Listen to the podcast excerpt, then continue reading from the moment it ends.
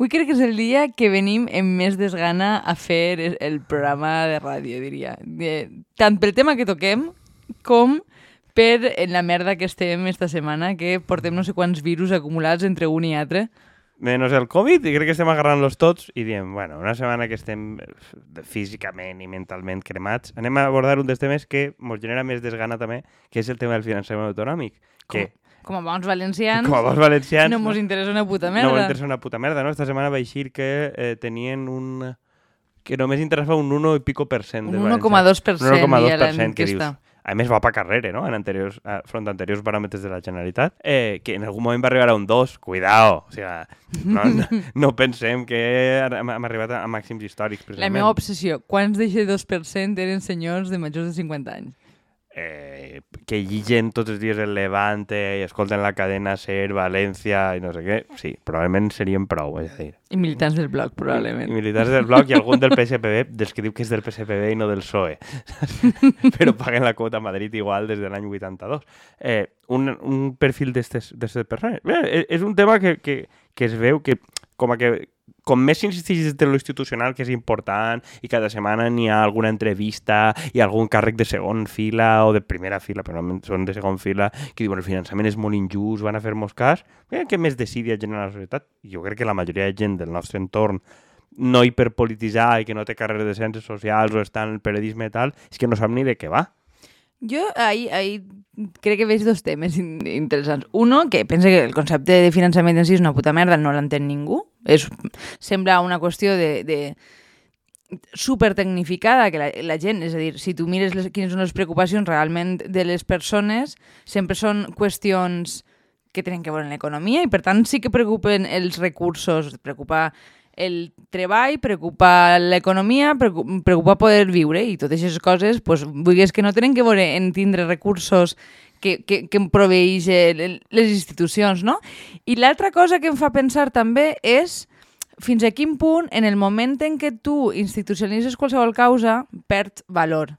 En el sentit de eh, tenint en compte que una gran part de la, de la població ni tan sols sap diferenciar entre nivells de govern, que, que dintre del govern estiguen dient no, és que és mo molt injust el finançament. Dius, ja, però si tu formes part de l'estatus quo, si no canvies tu... I a mi, aquesta és la, la percepció que, que em dona a mi en general. Sí, a veure, n'hi ha, la majoria de gent que es dedica al, finan al finançament, es dediquen, diguem, a l'economia, al dret, al, al tema Dedicar-se al públic. finançament m'agrada. Com... No, és que- no, el és que- finançament propi, principalment. Finançament propi de les, les 14 pagues en 3.000 euros, eh, per sota dels quals no val la pena anar a treballar, jo ho entenc, una, una volta t'acomodes a certes coses. Però, clar, que la majoria no saben explicar-te com funciona. És a dir, primera, ni quines coses cobreix exactament l'autonomia, que és un poc el que dius tu. És a dir, és complicat d'entendre. És a dir, tot, crec que tot el món assumeix fins a certa escala que n'hi ha coses com l'educació o la sanitat que depenen de la conselleria, des de fa anys, això crec que més o menys està socialment assumit i s'entén, i algunes coses perquè són òbvies com la televisió, de qui respon. Exactament. Però en general altres coses que no, la competència és compartida. El servei d'ocupació, és a dir, tu vas al servei d'ocupació de la Generalitat, però resulta que l'Estat és qui paga les prestacions, eh, com es calcula, no? Vull dir, tu vas al servei, però és el... Bueno, elabora, perdó. Eh, ja que s'han corrat una marca, unos que fet algo, per lo menos el... han canviat la marca i el- més coses. Però, vull dir, tu vas a labora, però després resulta que és l'Estat qui paga les cotitzacions, de qui rep les ajudes, tal. Per al ciutadà mitjà és incomprensible i la gran majoria de gent diu el INEM. Jo, el paro. honestament, eh, en teoria he fet una carrera i en- hauria de saber coses d'això, però no m'ha interessat mai i sé molt poc sobre el finançament.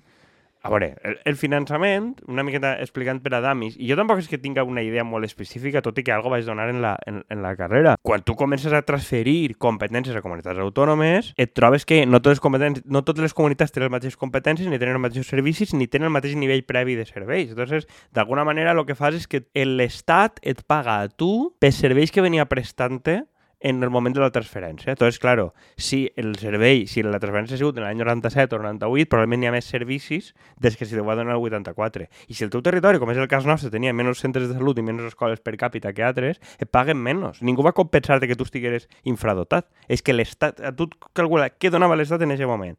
I a partir d'ahir, que això dius, hòstia, ja podria ser injust. Això ja mereixeria una correcció. Ja, això és un debat que va des dels 80. Evidentment no s'ha abordat. Però és que ara tu vas pactant un un sistema sobre altre en què cada uno va una miqueta en plan el mercadillo i a més que la regla del sistema és que ningú pot perdre finançament sobre l'anterior. És a dir, tu tens que anar posant més diners i que tot el món li toca llesca per a que te l'aprove. La qual ni els propis tècnics són capaços avui d'explicar-te com funciona exactament, perquè són moltes regles superposades, no és ni la població, ni l'envelliment, ni la... e- és una sèrie de regles incomprensibles i damunt de tot això, que no saps anticipar el que va tocar-te, perquè depèn de la recaptació, d'una compensació, és a dir, és incomprensible per a ells com volen que la gent ho entenga. Sí, a més és que, dir, que crec que la gent confia que hi hagi una espècie de, de lleialtat institucional abstracta que tu dius, ah, finançament, els pressupostos més socials de la història. Quants anys portem anunciant això? I quina sensació real tenim de que hagi millorat la nostra vida en res? Perquè si després aquest pressupost no s'executa, perquè ho sapiem, els pressupostos més de la història significa que, com són en l'últim any, evidentment, n'hi ha hagut una expansió econòmica i monetària i cada any poses més diners sobre la taula perquè els preus també pugen. Fantàstic, és a dir, bueno, és, és- no, estem en l'any més avançat des de Crist. Enhorabona. cada any podríem fer una celebració de que estem en l'any més avançat. és com si, eh, és com si fer, en el fons, o sigui, si ho, si ho imitaren en estadística, és com si feres una gràfica ascendent en el que el valor foren en els anys. Sí. En plan, cada volta va més cap amunt, és com, enhorabona. La, la gràfica més útil de la història. Sí, celebrem la variable independent, perquè e- és un valor intrínsec. Funciona una miqueta així, i la segon, que la gran idea que va tindre el botànic, que jo no estic segur si el PP ho feia també o no, he sentit campana, ni ho ha investigat, per què? Este, este és el nostre programa, o sigui, feu-se compte que investiguem-lo justet. Bueno, que invertir 1.300 o 1.400 milions que deurien estar ahí i que el govern cada any clava els pressupostos i reivindica i dir, ui, per què Madrid no li diu res si són 1.300 1.400 milions que no li toquen? Perquè, spoiler, no els executen. És a dir, tu els poses, però quan arriba el moment, arriba octubre, novembre, això millor no els gastar per a res perquè no els tens, no els tens al compte, no els tens en deute. Per tant, no te'ls pots gastar. I direm, i això ho poden fer? Sí, ho poden fer, i cada any anunciar-ho, i, pues, bueno, pues, pues ja està. Cada any has anunciat que tens 1.400 o 1.500 milions menys del que et toquen, i què has fet per a solventar-ho? Zero. Sí. Bueno, tornem altra volta una miqueta a la idea de, de el votant i la seva poca preocupació per... Que pe- pensa que hem passat una miqueta per damunt per aquest tema i crec que és interessant, Més no? interessant que el finançament sí que és. Sí, per, per això ho dic. Que pense que hi ha una mala comunicació de què implica el finançament i per a què. És a dir, el, no és que la gent no li importi la política, jo penso que la política... És, és, en el fons eh, és una miqueta com el tema de la política, no? Que es, es preguntava, t'interessa la política? I la gent deia, sí, no, o, bueno, en una escala, no? Però després els preguntaves i, i per les qüestions socials i econòmiques sí que estaven interessats. Per tant, què collons és la política, no? I en, en el finançament passa una miqueta el mateix. I a banda, és que eh, tu m'ho comentaves abans, no? Eh, que, que el tema del votant racional. Explica una miqueta per a que la nostra audiència ho entenga. No, a veure, la gent, quan tu mires una enquesta d'estes en, en conjunt, les enquestes et diuen, i això és una cosa que la, que la gent que està als partits ho comenta, la gent et diu coses molt contradictòries que no tenen sen- per què tindre sentit entre si. És a dir, en este cas et diu, has de ser més reivindicatiu, com a partit valencià, sí, però, diu, però en el cas del votant d'esquerres, per exemple, eh? Has de ser més reivindicatiu en el govern, sí, però no n'hi ha que posar en perill el govern del Botànic o el govern progressista a Madrid. Aleshores, claro, aquestes dues coses són contradictòries. Tu no pots demanar més si no poses en perill el govern, perquè, o sea, És un teatre. per, perquè, claro, l'única cosa que pots fer tu és o sea, amenaçar en abandonar-lo o en tombar els pressupostos i per tant del govern. Si tu no pots fer això, perquè, a més, van a matxacar-te en la SER, en la Sexta, no sé quantos, que obre un altre debat, perquè no tens mitjans, espais, etc on la teua gent es vegi reflectida i no siguen del PSOE, que és el que passa, evidentment el PSOE té agarrat de les pilotes i el PSOE, que és qui guanya des de, mana des de 2018, però abans, és a dir, el Zapatero ja li va donar als valencians un finançament ruïn i el PSOE actual no té cap tipus d'interès de modificar-lo i van presentar el pèl, però probablement perquè poden i perquè això, el que, lo que te demana tu al votant, et demana coses impossibles. Igual dia abans, no? El votant català li demanen que negociï el govern d'Espanya i alhora que siga contundent i aconseguisca coses. Que aconseguisca la independència. Sí, doncs, a, a ells li diuen, eh, vol vostra independència? Sí, però per vies pacífiques i pactades. Home, claro, però dir, si tu li estàs dient al teu adversari que l'única manera que és pactar, doncs no pacta i tu no tindràs mai la majoria. És a dir, té això sentit? No, no tindrà sentit, però la gent, en bon criteri o mal criteri, delega això en els polítics. Jo et dono coses en una sèrie de propostes i tal, i tu encarrega't de fer-ho compatible. I això no n'hi no, no ha una veritat real de lo que s'ha de fer, perquè d'una manera o altra pots xafar callos. A mi em fa gràcia perquè realment en, en les facultats de dret i de ciència, o, o sigui, on s'estudia ciència política es, es segueix estudiant la idea de, del votant com a ésser racional que s'ha abandonat fins i tot en publicitat. És a dir, en tots els camps pràcticament en els que es tracta el comportament humà s'ha abandonat, menys en ciència política, que vivim en els anys 80, crec, més o menys.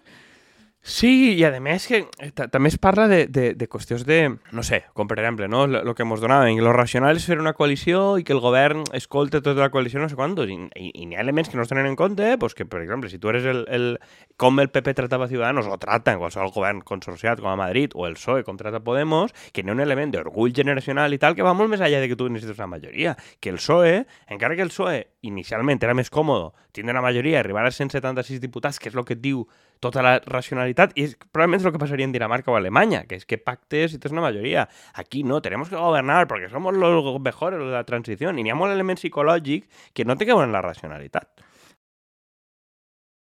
Jo no vull dir res, però quan de la política espanyola es pot explicar per psicologia de susodichos senyores de determinada edat. Jo sé que és el meu tema fetitxe, però...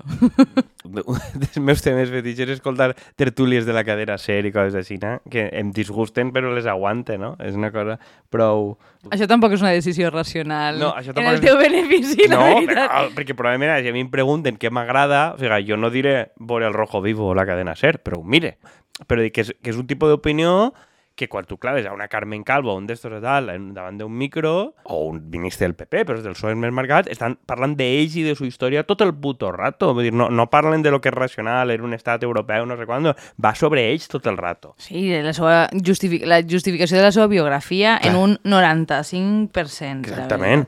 El tema és que jo crec que en aquestes qüestions, com en qualsevol altra, al final el que s'acaba creant una espècie de teatrillo en el que n'hi ha com bufits i algun desencontre i tonteries que apareixen després en premsa, però realment mai passa res, no? Jo crec que és un, un, un tipus d'escenari en el que la política pública com a tal desapareix com a concepte i crec que és una d'aquestes coses que les enquestes fallen de, en, en entendre, però bueno, això ja és per a, una, per a un altre dia, crec, i que en el fons en els, el PSOE se sent molt còmode en aquest tipus d'escenari de, de cartó pedra perquè no, viu de la idea de que res ha de canviar i això els funciona, no? I jo crec que, que en el tema del finançament el que més evident és, és que no hi ha una idea de, de diners, o sigui, per a què serveix l'Estat? I, I com es reparteixen els diners i per a què, no? Vull dir, es parla d'una lleialtat institucional que se t'exigeix però en abstracte, sense que tinga, sense saber com es reparteix.